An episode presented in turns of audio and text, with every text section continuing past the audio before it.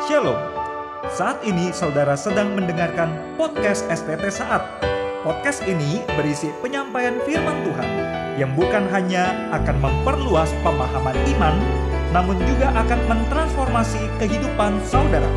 Kami berdoa dan kami percaya saudara akan diberkati. Dari STT Saat Malang, selamat mendengarkan.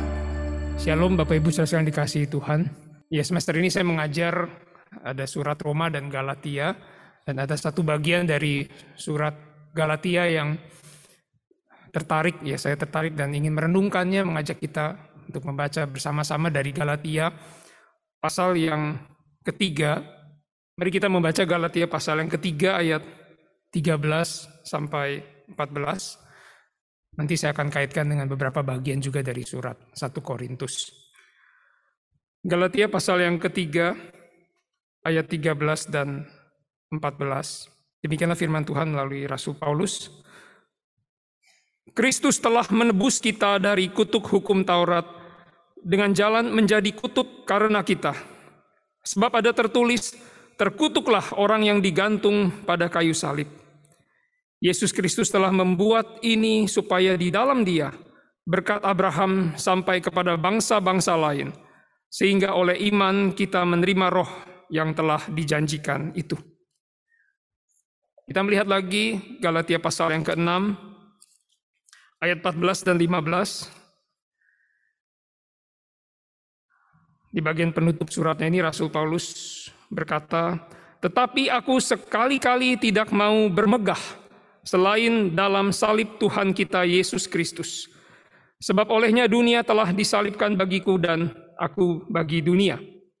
Sebab bersunat atau tidak bersunat tidak ada artinya, tetapi menjadi ciptaan baru itulah yang ada artinya. Terakhir kita akan membaca dari 1 Korintus pasal 1 dan 2, beberapa ayat kita akan lihat. Surat 1 Korintus pasal 1 ayat 18. Sebab pemberitaan tentang salib memang adalah kebodohan bagi mereka yang akan binasa. Tetapi bagi kita yang diselamatkan, pemberitaan itu adalah kekuatan Allah. Di pasal yang kedua, eh, sebelumnya di ayat 31 dulu ya, kita akan lihat dari ayat 31 sampai ayat pasal 2 ayat 1 dan 2, 1 Korintus. Pasal 1 ayat 31, karena itu seperti ada tertulis, Barang siapa yang bermegah, hendaklah ia bermegah di dalam Tuhan. Demikian pula ketika aku datang kepadamu, saudara-saudara, aku tidak datang dengan kata-kata yang indah atau dengan hikmat untuk menyampaikan kesaksian Allah kepada kamu.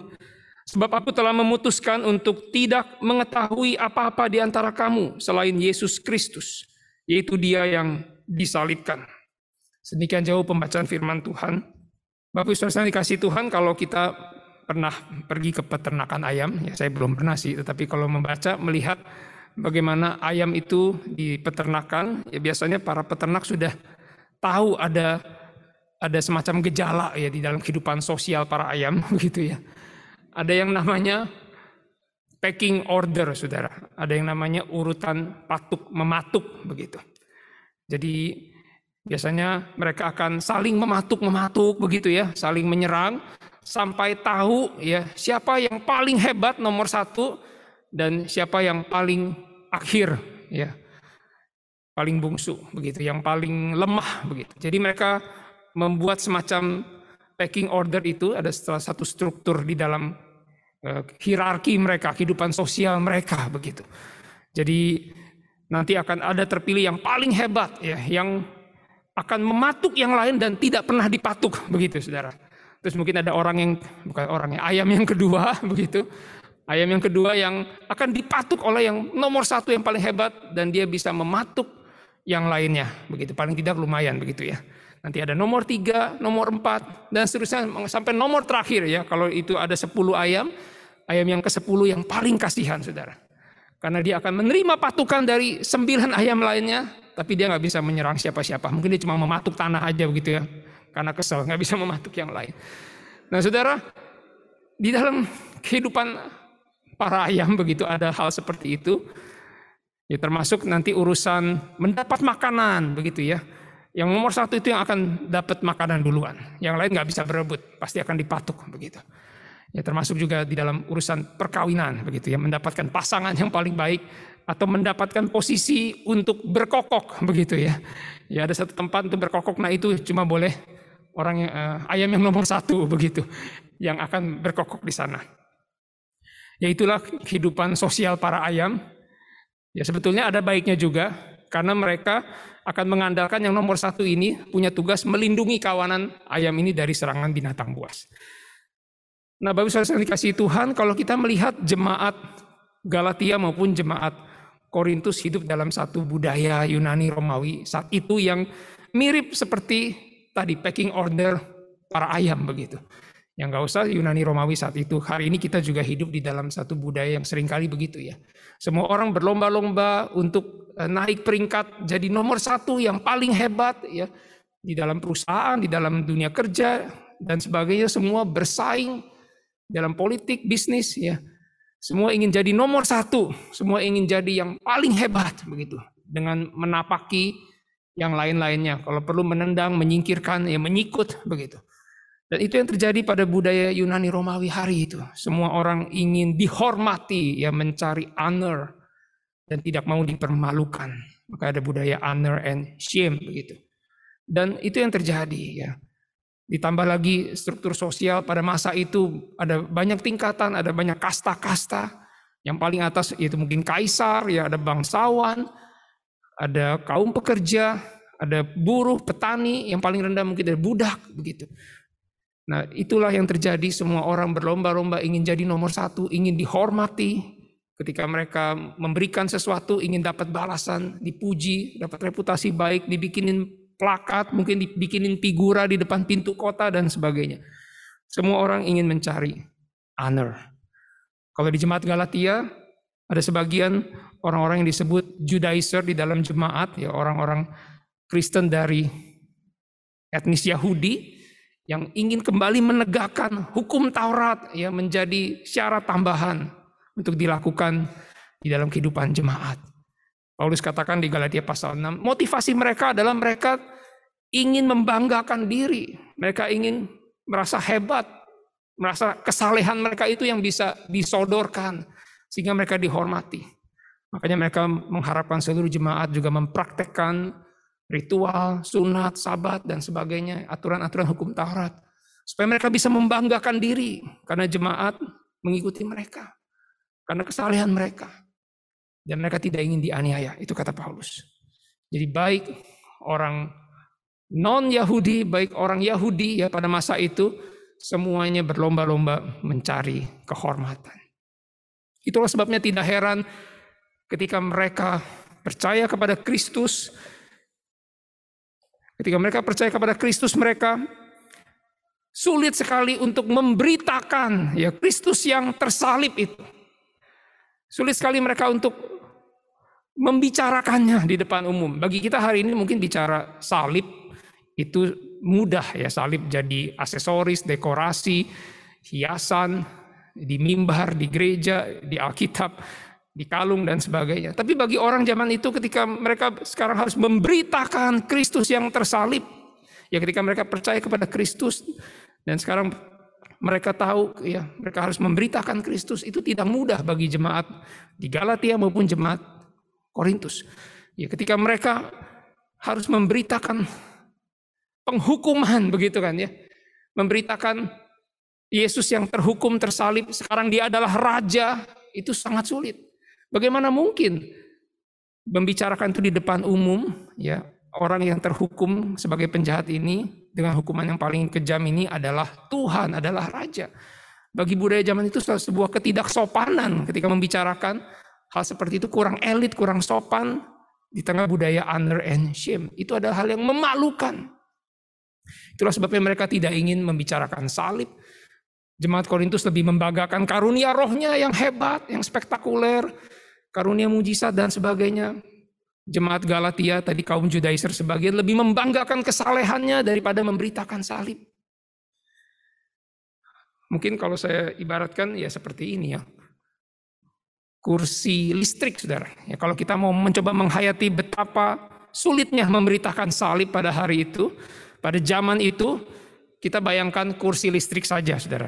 Ini bentuk penghukuman mati juga, ya seperti salib bentuk penghukuman mati. Saudara bayangkan gereja saudara, ini bukan salib tapi kursi listrik. Depan kursi listrik, Alkitab saudara kursi listrik, begitu ya. Dan saudara menggantung apa pakai kalung kursi listrik. Terus saudara memberitakan orang yang dihukum mati dengan kursi listrik ini adalah raja, adalah Tuhan. Bisa nggak saudara hari ini mengatakan seperti itu? Saudara akan dianggap gila begitu kan ya. Tempat apa ini? Perkumpulan apa ini? Menyembah orang yang mati di kursi listrik. Kursi listrik masih kurang kejam sebetulnya dibandingkan salib. Kursi listrik penghukuman yang masih lebih manusiawi. Karena itu di tempat yang tertutup, tidak dilihat banyak orang. Prosesnya mungkin cepat ya supaya nggak menderita, langsung mati begitu tidak dipertontonkan seperti salib. Maka Bapak yang dikasih Tuhan, kita ingin menghayati ya. Apa yang terjadi di kayu salib itu. Dan bagaimana Paulus menasehati jemaat Galatia maupun jemaat Korintus untuk kembali memberitakan Kristus yang tersalib itu. Karena itulah esensi Injil. Tanpa bicara salib Kristus tidak akan ada Injil. Itulah sebabnya Paulus terus berjuang di dalam surat-surat ini menasehati, menggembalakan jemaat Korintus maupun Galatia untuk kembali memberitakan salib Kristus. Bahkan dia mengatakan, aku bermegah hanya di dalam salib Kristus. Tidak mau tahu yang lain, hanya salib Kristus. Maka kita mau lihat apa yang terjadi di kayu salib. Pertama kita melihat, ya Paulus mengatakan terkutuklah orang yang tergantung pada kayu salib ya di pasal 3 ayat 13 itu Paulus mengatakan Kristus menebus kita dari kutuk hukum Taurat sebab ada tertulis terkutuklah orang yang digantung pada kayu salib. Paulus mengutip dari Ulangan pasal 21 ayat 23 Saudara.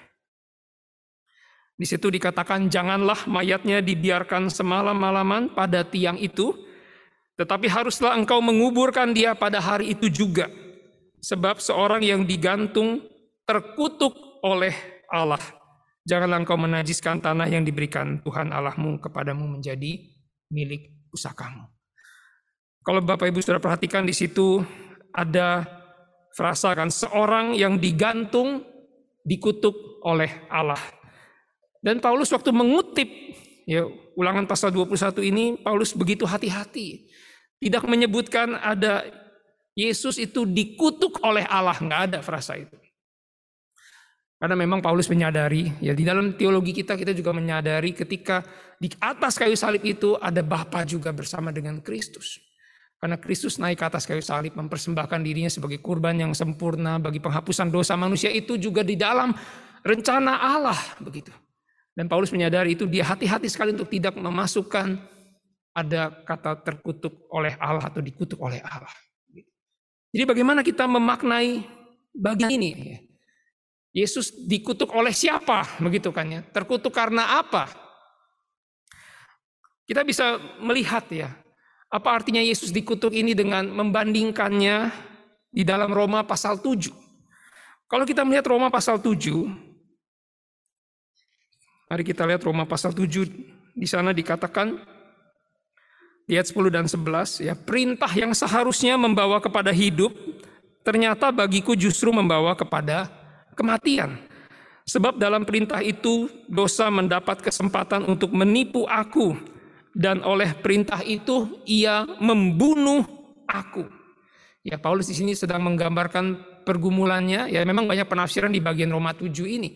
Ya, mungkin ini pengalaman pra-Kristen dia sebelum dia menjadi orang percaya ya ketika dia sebagai orang Farisi yang begitu getol mempraktekkan hukum Taurat ya mungkin uh, itu bisa jadi pengalaman dia. Dia menceritakan pengalaman pergumulan batinnya ketika dia berjuang untuk hidup taat kepada Taurat untuk hidup menyenangkan Allah tetapi tidak bisa karena ada dosa yang menguasai. Maka di sini dia katakan ya seperti personifikasi dosa saudara. Dosa diibaratkan seperti kuasa begitu yang membelenggu yang menggunakan hukum Taurat ya untuk mengutuk orang yang tidak sanggup melakukan hukum Taurat itu dan akibatnya adalah kematian. Ya, jadi dosa seperti kuasa yang mengendalikan hukum Taurat dan kematian ya untuk semua ditimpakan kepada orang yang tidak sanggup untuk mempraktekkan hukum Taurat itu. Maka kalau kita mau katakan di atas kayu salib itu, ya Kristus memberi dirinya dengan rela untuk diperbudak oleh kuasa dosa, dikutuk oleh hukum Taurat dan ditaklukkan oleh kematian. Dan itu semua di dalam rencana Bapa. Kristus memberi dirinya. Maka kita bisa mengatakan begitu, bukan dikutuk oleh Allah Bapa ya Paulus hati-hati menggunakan itu tapi dengan kaitkan Roma 7 kita bisa mengatakan Kristus sedang dikuasai oleh dosa. Ya secara teologis kita memahaminya seperti itu. Dia sengaja membiarkan dirinya menjadi dosa begitu kan ya. Menanggung dosa itu. Dikutuk oleh hukum Taurat dan dibelenggu oleh kematian ya, ditaklukkan oleh kematian. Itu yang terjadi di atas kayu salib secara teologis. Tapi bagaimana kita melihatnya secara real begitu ya. Kita ingin memaknainya coba secara real. Apa sesungguhnya yang terjadi di atas kayu salib? Cicero seorang negarawan ya pada abad yang pertama menjelang abad pertama Seorang negarawan Romawi mengatakan ada tiga hukuman mati begitu yang ekstrim. Yang paling ekstrim ada tiga yaitu dibakar hidup-hidup, dipenggal, dan satu lagi disalibkan. Dan menurut dia disalibkan itu adalah yang paling kejam dari antara ketiganya ini. Bapak Ibu dikasih Tuhan kalau kita melihat sebetulnya yang terjadi di atas kayu salib itu adalah sebuah dehumanisasi lah kalau kita mau bilang. Ya, seorang manusia sedang dilucuti seluruh harkat martabatnya sebagai manusia. Salib bisa dikatakan ya dirancang sedemikian rupa, dirancang dengan sedemikian jahat ya demi sedemikian diabolik begitu kan ya dirancang dengan sedemikian kejam untuk menghukum orang. Melucuti semua kemanusiaannya. Semua prosesnya kan dimulai dari dipermalukan, dicambuk, ya, disiksa terlebih dahulu, membawa kayu salib itu dipertontonkan kepada banyak orang. Sampai akhirnya digantung hidup-hidup gitu ya, dan dibiarkan mati perlahan-lahan. Sebenarnya ada sebuah proses dipermalukan begitu ya. Shame upon shame begitu. Kita tahunya grace upon grace, tapi di sini kita bisa melihat di atas kayu salib Kristus menanggung rasa malu demi rasa malu ya untuk memberikan anugerah demi tanggungkan kepada Kristus. Di dalam kan tidak lebih tinggi harkatnya dari hewan berkaki empat. Ya, mungkin lebih cocok disamakan seperti serangga yang tinggal ditepok langsung mati begitu. Ya, tidak dianggap manusia lagi. Yang memang biasanya itu diperlakukan untuk para budak. Sengaja hukuman salib itu dipraktekkan supaya para budak, ya orang-orang dari kaum yang paling bawah ini, termasuk kaum pemberontak, tidak berani macam-macam dengan pemerintah Romawi. Ya maka mereka mempertontonkan penyalipan supaya orang semua takut kepada kekaisaran Romawi. Dan itu yang Yesus terima di atas kayu salib. Kalau kita melihat ya di dalam peristiwa penyalipan itu semua apa ya kekejian, kekejaman, kejahatan manusia, semua hal yang paling sadis itu bisa dilakukan di atas kayu salib. Para eksekutor boleh melakukan apa pun untuk menyiksa orang yang tersalib. Para penonton juga boleh melakukan apa pun untuk meludahi, mencerca, mencaci maki, menghina, apa pun dipersilakan. Sehingga dalam peristiwa penyalipan biasanya terjadi hal yang brutal ya terhadap orang yang disalibkan.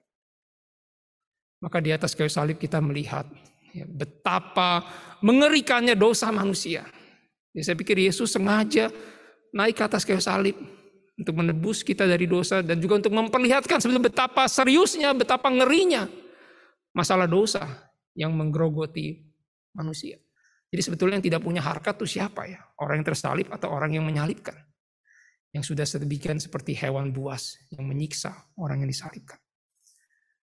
Maka kayu salib memperlihatkan betapa mengerikannya dosa itu yang menguasai kita tidak heran Roma 7 ya Paulus menggunakan personifikasi kuasa dosa, dosa yang begitu menguasai kita. Sehingga kita terbelenggu, dikutuk di dalam dosa dan kematian. Maka Bapak Saudara kasih Tuhan, mari kita juga serius menganggap dosa. Ya. Ketika kita masih bergumul dengan dosa yang kita sering kali anggap remeh. Itu perkara serius sampai sang anak domba Allah, sang anak Allah yang tunggal itu mesti mati menanggung semua hal yang memalukan ditimpakan kepadanya. Bahkan orang yang tersalib itu tidak bisa ya menolong dirinya sendiri. Bahkan bisa dikatakan dia menjadi eksekutor bagi dirinya sendiri, Saudara. Saking begitu hinanya penghukuman salib itu, saking begitu kejamnya penghukuman salib itu sehingga sang tersalib ini orang yang tersalib tidak bisa menolong dirinya sendiri atau bisa dikatakan dia menjadi eksekutor, menghukum dirinya sendiri. Setiap helaan napas yang kita bisa tarik dengan mudahnya di atas kayu salib. Ya, karena beban gravitasi, karena luka-luka di punggung, karena tangan yang terpaku. Paru-paru begitu berat ya untuk bernafas. Harus tarik, setiap kali tarik sakit sekali. Yaitu menunjukkan sang tersalib itu menjadi eksekutor bagi dirinya sendiri. Bahkan dia harus membunuh dirinya sendiri. Saking kejamnya itu penyalipan. Sampai perlahan-lahan seberapa dia kuat bernafas saja. Sampai dia mati. Kematian yang mengerikan. Kadang bisa dimakan binatang buas, dipatuk burung pem, pemangsa dan sebagainya. Itu yang terjadi di atas kayu salib. Kalau melihat dalam aturan hukum Taurat, bahkan hukum Taurat pun masih lebih manusiawi. Ada 40 kali harus orang itu dipukuli, ada satu hukuman begitu kan ya. Tapi nggak boleh lebih. Supaya jangan saudaramu menjadi rendah di matamu apabila ia dipukul lebih banyak lagi. Bahkan hukum Taurat pun masih lebih manusiawi. Penyalipan sangat tidak manusiawi. Tidak ada batas untuk menyiksa orang itu. Karena memang tidak pernah dipandang sebagai manusia. Maka kalau kita mau melihat di atas kayu salib, Kristus memperlihatkan betapa seriusnya masalah dosa. Bukan diselesaikan hanya oleh manusia biasa, pemimpin agama, malaikat, ya.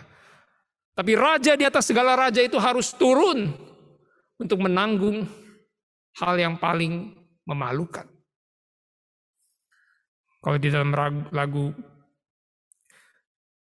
apa ya, above all ya, like a rose trampled on the ground. Begitu kan ya. Ada satu frasa Kristus seperti bunga mawar yang diinjak begitu kan ya. Ini bahkan lebih buruk. Kristus seperti sampah, seperti kotoran yang diinjak. Dalam satu Korintus Paulus pernah menyebut dirinya dia dan para rasul bisa diibaratkan seperti sampah dunia di bawah level yang paling rendah begitu. Ya mungkin Paulus menggambarkan itu personifikasi dirinya ya dia mengidentifikasi diri dengan Kristus. Kristus yang di dalam posisi yang paling rendah, bukan tram, rose trample on the ground ya, tetapi kotoran, sampah yang paling rendah yang diinjak-injak. Bahkan lebih rendah dari budak sekalipun begitu. Bukan manusia lagi.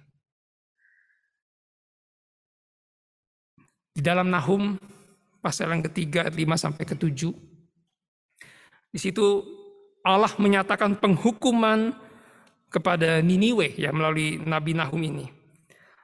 Lihat aku akan menjadi lawanmu, demikianlah firman Tuhan semesta alam. Aku akan mengangkat ujung kainmu sampai ke mukamu dan memperlihatkan auratmu kepada bangsa-bangsa dan kemaluanmu kepada kerajaan-kerajaan. Aku akan melemparkan barang keji ke atasmu, akan menghina engkau dan akan membuat engkau menjadi tontonan maka semua orang yang melihat engkau akan lari meninggalkan engkau. Ketika kita membaca perikop ini dari perspektif PB ya, dari perspektif kita iman Kristen bukan cuma kitab Yahudi begitu, kita bisa melihat adanya satu referensi ya yang terselubung tentang rasa malu dan penghinaan yang dialami Kristus. Penghakiman Allah atas Niniwe ini bisa kita katakan juga menjadi penghakiman Allah atas seluruh dunia ya, atas dosa seluruh dunia.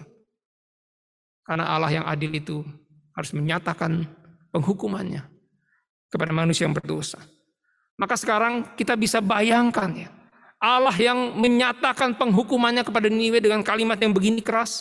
Sekarang semua hal yang memalukan itu ditimpakan kepada Kristus. Bagaimana saudara membayangkan kalimat ini kalau ditimpakan kepada Kristus? Bapa yang mengasihi sang anak.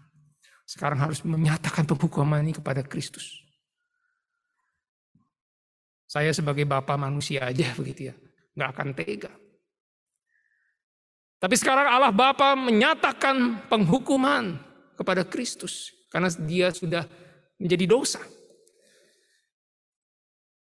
Maka di atas kayu salib kita juga melihat kasih Allah yang agung itu dinyatakan. Kasih Allah yang mulia itu dinyatakan ketika Allah Bapa menyerahkan anaknya menjadi kurban. Ya, menjadi penebus dosa untuk kita semua. Orang-orang yang sepantasnya menerima semua hukuman itu.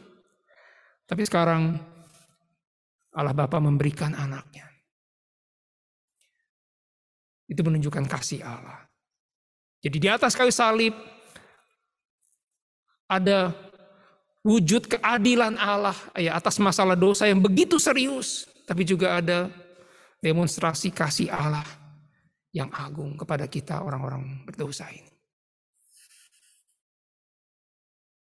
Untuk apa Kristus rela terkutuk di dalam dosa dan kematian? Paulus mengatakan Kristus rela terkutuk ya supaya dia bisa memberkati ya kita semua dengan berkat Abraham sampai kepada bangsa-bangsa lain. Sehingga oleh iman kita menerima roh yang telah dijanjikan itu. Supaya Kristus bisa menghadirkan ciptaan yang baru. Menghadirkan keselamatan itu yang sudah Allah janjikan sebelumnya kepada Abraham. Dan roh kudus diberikan sebagai bukti. Seperti yang sudah dinubuatkan oleh Yoel gitu ya. Dalam hari Tuhan Allah akan mencurahkan rohnya begitu. Maka itu yang Kristus lakukan. Dia rela terkutuk supaya memberkati kita.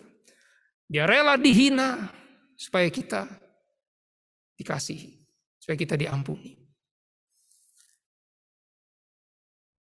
Maka sudah sekalian, bersunat atau tidak bersunat ya kata Paulus tidak penting lagi. Dia hanya mau bermegah di dalam salib Kristus. Ya karena sekarang ciptaan yang baru itu sudah hadir. Bicara ciptaan baru bukan cuma hadir di dalam individu-individu orang percaya, tapi bicara kosmos ini sudah ditebus. Maka kalau kita mundur sedikit ini Paulus katakan ya, ketika Kristus menyerahkan dirinya karena dosa kita, dia melepaskan kita dari dunia yang jahat bicara secara kosmos. Ya, ada dunia yang jahat yang dikuasai oleh dosa, oleh si jahat itu sekarang sudah ditaklukkan dunia yang baru. Kerajaan Allah, ya, ciptaan baru itu sudah hadir. Maka itu yang Kristus lakukan di atas kayu salib ya. Dia menjadi dosa. Ya, dia dikutuk di dalam dosa dan kematian supaya dia bisa menaklukkan dunia yang jahat dan menghadirkan ciptaan yang baru. Lalu bagaimana seharusnya kita hidup, saudara? Ya, bagaimana seharusnya kita hidup? Bagaimana respon kita ketika kita ya, sudah menyadari betapa besarnya kasih Allah kepada kita? Rasul Paulus mengatakan di dalam 1 Korintus pasal 1 ya, dia hanya mau bermegah di dalam salib Kristus. Dia hanya mau terus memberitakan tentang salib walaupun itu tidak mudah ya. Saudara bayangkan memberitakan tadi ya tentang orang yang mati di atas kursi listrik begitu ya. Saudara bayangkan. Ke mana-mana ya memberitakan tentang orang yang mati karena kursi listrik begitu. Tapi Paulus mau bermegah di dalam salib Kristus. Walaupun itu hal yang paling memalukan bagi orang pada masa itu. Ya, karena dia tahu di dalam pemberitaan tentang salib itu ada kekuatan Allah. Ada kuasa Injil dinyatakan. Maka saudara mungkin akan bertanya, di mana kebangkitan begitu ya? Apa makna kebangkitan untuk kita? Ya saya memang tidak bicara mengenai kebangkitan. Tapi sebetulnya kebangkitan ya, kebangkitan Kristus memang selain itu menegaskan, meneguhkan ya bahwa Kristus adalah orang yang benar begitu bukan orang yang terhukum Allah membenarkan Kristus dan meneguhkan misi Kristus. Tapi sebetulnya kebangkitan Kristus bukan menganulir ya, bukan membatalkan, bukan meniadakan shame itu dari salib. Bukan.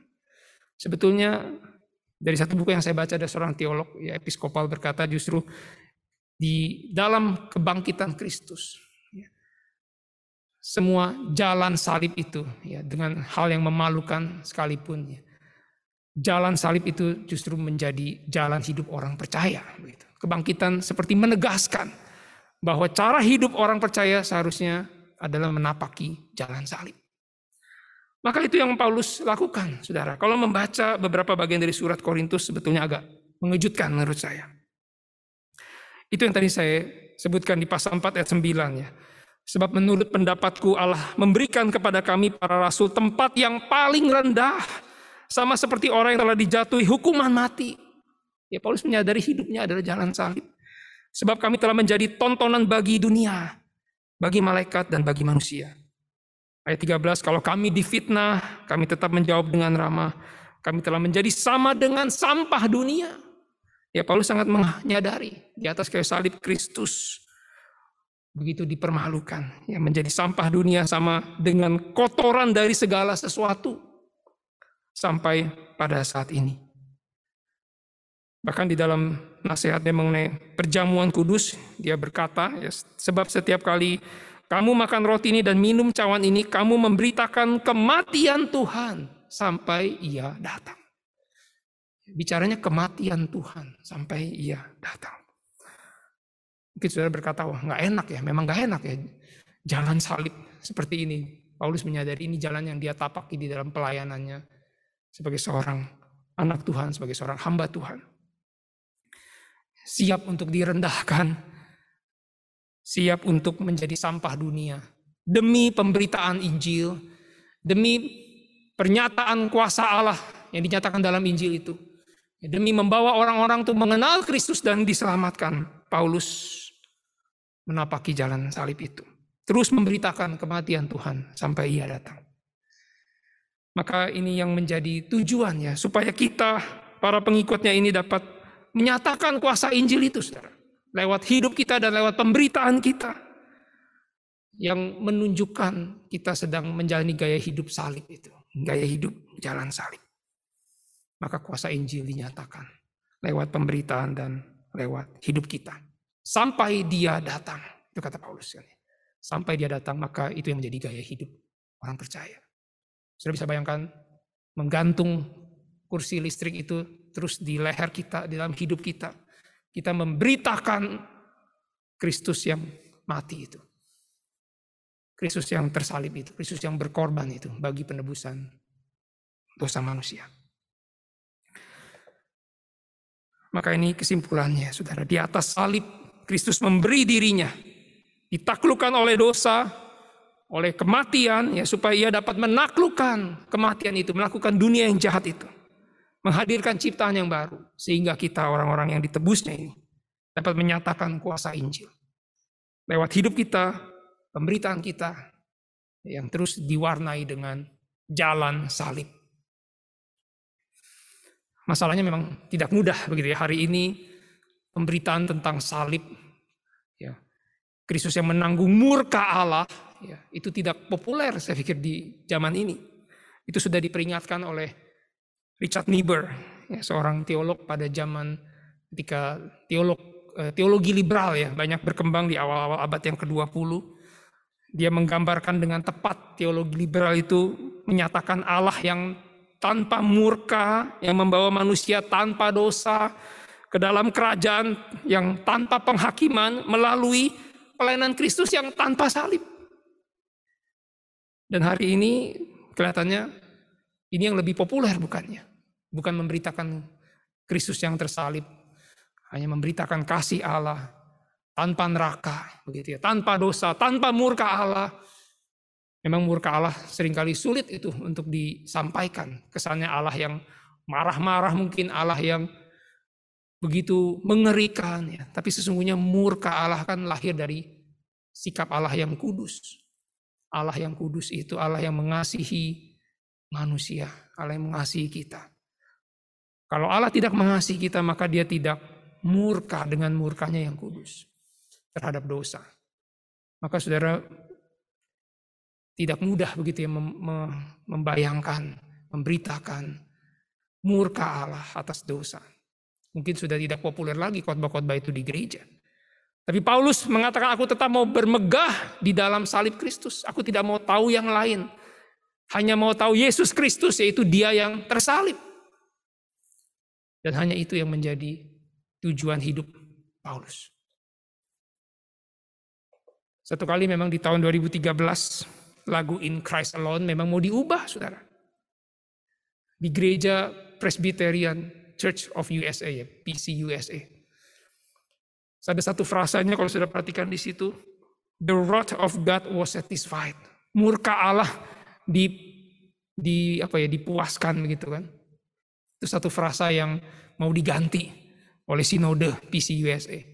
Ya sempat heboh, tetapi pencipta lagu ini Kate Getty begitu kan ya, tidak mau mengubah frasa ini. Frasa ini tadi mau diubah menjadi the love of God was magnified. Ya. Menurut Kate Getty lagu ini sudah tepat ya. Teologi yang benar ada di situ semua. Teologi salib, kasih Allah, keadilan Allah, murka Allah, semua sudah digambarkan sebetulnya. Ya, maka dia tidak mau menghapus bagian itu. Yaitu kecenderungan hari ini kita hanya ingin menerima kasih Allah, ya kita hanya ingin membicarakan yang baik-baiknya dari Allah, tapi bicara tentang salib, hal yang mengerikan, hal yang memalukan, itu mungkin kita jarang memberitakannya. Maka saya mengajak kita, ya mari kita sekali lagi di momen-momen prapaskah ini, kita kita bisa melayani dalam pemberitaan Injil secara mimbar maupun secara pribadi. Mari kita terus memberitakan Kristus yang tersalib itu. Kristus yang menanggung semua rasa malu dan kejijikan, kehinaan yang bisa manusia berikan, yang manusia berdosa berikan kepadanya. Supaya dia bisa mengampuni mereka, menyelamatkan mereka dari murka Allah. Maka saya pikir ini beberapa hal yang kita perlu simpulkan ya. Salib Kristus menyingkapkan betapa seriusnya masalah dosa. Betapa mengerikannya masalah dosa dan penghakiman Allah atas dosa. Tidak boleh dianggap enteng. Dan salib juga mendemonstrasikan betapa besarnya kasih setia Allah kepada kita. Dia rela memberikan anaknya untuk dihujam, dicerca, ya, ditumpahkan semua hal yang menjijikan. Supaya bisa menjadi kurban penebus dosa bagi kita. Dan salib Kristus juga meneguhkan betapa pentingnya pemberitaan Injil. Ya, pemberitaan Injil yang tidak bisa lepas dari salib Kristus. Bukan pemberitaan Injil yang mengencerkan Injil begitu ya, tapi pemberitaan Injil yang sungguh-sungguh memberitakan Kristus yang tersalib, Kristus yang bangkit itu. Maka mari di dalam momen ini kita kembali menghayati hal ini. Sebagai penutup saya ingin menceritakan satu hal, ya, satu pengalaman pelayanan saya di gereja. Satu kali saya pergi berkunjung ke rumah satu orang ibu begitu. Ibu ini adalah mama dari seorang pemudi di gereja aktivis pemudi ya, persekutuan pemuda pemudi ini mamanya begitu.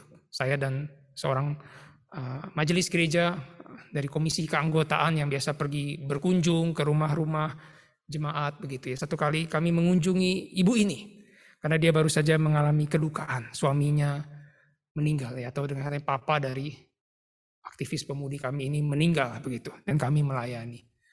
Dan dalam kesempatan itu saya melihat ada satu kesempatan yang baik nih ketika berbicara ya menguatkan kita bisa memberitakan Injil ya. Saya ya kami merasa bisa memberitakan Injil. Saya sampaikan Injil ya saya menggunakan EE, metode II begitu yang saya tahu, saya sampaikan, saya jelaskan Injil di dalam Kristus yang mengasihi dia, menyelamatkan dia, dan menantang dia untuk mengakui dosa dan menerima Kristus bertobat begitu. Dan dia mau, saudara. Saya begitu senang ketika hari itu bisa menyampaikan Injil kepada ibu ini. Ibu ini ya dari latar belakang keluarga yang Buddhis atau Konghucu begitu yang menyembah nenek moyang ya begitu kuat begitu. Termasuk dengan suaminya juga. Ya, bersyukurnya memang masih diizinkan ya anaknya yang ikut persekutuan pemuda bahkan menjadi pengurus. Tapi orang tuanya ini begitu keras sebetulnya di dalam penyembahan nenek moyang. Tapi entah bagaimana hari itu saya bersyukur ya. Saya memberitakan Injil dan dia mau percaya. Saya yakin ada kuasa Tuhan yang bekerja di situ. Rupanya ketika saya mencari tahu ya. Sebelum kejadian itu saya pergi ke sana dia mengalami depresi karena dia ada gangguan secara psikologis juga dia gampang khawatir cemas depresi ke dalam saat saat seperti itu dia seperti berdoa kepada dewa-dewa yang dia percaya begitu ketika dalam kecemasan yang menghantui dia itu dia berdoa tetapi dia merasa tidak ada kelegaan begitu dia merasa makin stres makin depresi ketika dia berdoa kepada dewa-dewa yang dia percaya tapi entah bagaimana di dalam keadaan tertekan itu dia menyebut nama Yesus begitu. Dia tahu Yesus ini adalah Allah yang dipercaya oleh anaknya ini begitu ya. Dia sebut saja nama Yesus, dia memanggil nama Yesus di dalam keadaan yang tertekan itu dan dia merasa ada kelegaan begitu. Dan memang ibu ini akhirnya harus dikonseling dan terus diterapi begitu. Tapi saya bersyukur ternyata Tuhan sudah siapkan hatinya Ya ketika saya datang memberitakan Injil, dia mau terbuka, mau percaya. Dan itu terus dibuktikan di dalam pertumbuhan imannya. Beberapa minggu kemudian dia memanggil kembali hamba Tuhan ke, ke rumahnya. Ya hamba Tuhan datang dari gereja untuk ke rumahnya dan melayani dia. Dan dia mengatakan, saya mau membuang semua altar ini, meja abu dan sebagainya. Maka kami lepaskan ya hamba Tuhan juga mesti belajar membongkar meja abu juga ya saudara ya. Ya, kita bongkar itu meja abu, semua eh, tempat-tempat uh, taruh uh, apa kemenyan, apa itu hio dan sebagainya, kita masukkan ke dalam karung, bawa ke gereja dan dibakar begitu. Itu yang kami lakukan. Yang kami melihat ada satu pertumbuhan begitu. Dan gak lama kemudian ketika ada kelas katekisasi, ibu ini juga mau ikut kelas katekisasi. Terus selama enam bulan sampai akhirnya dibaptis.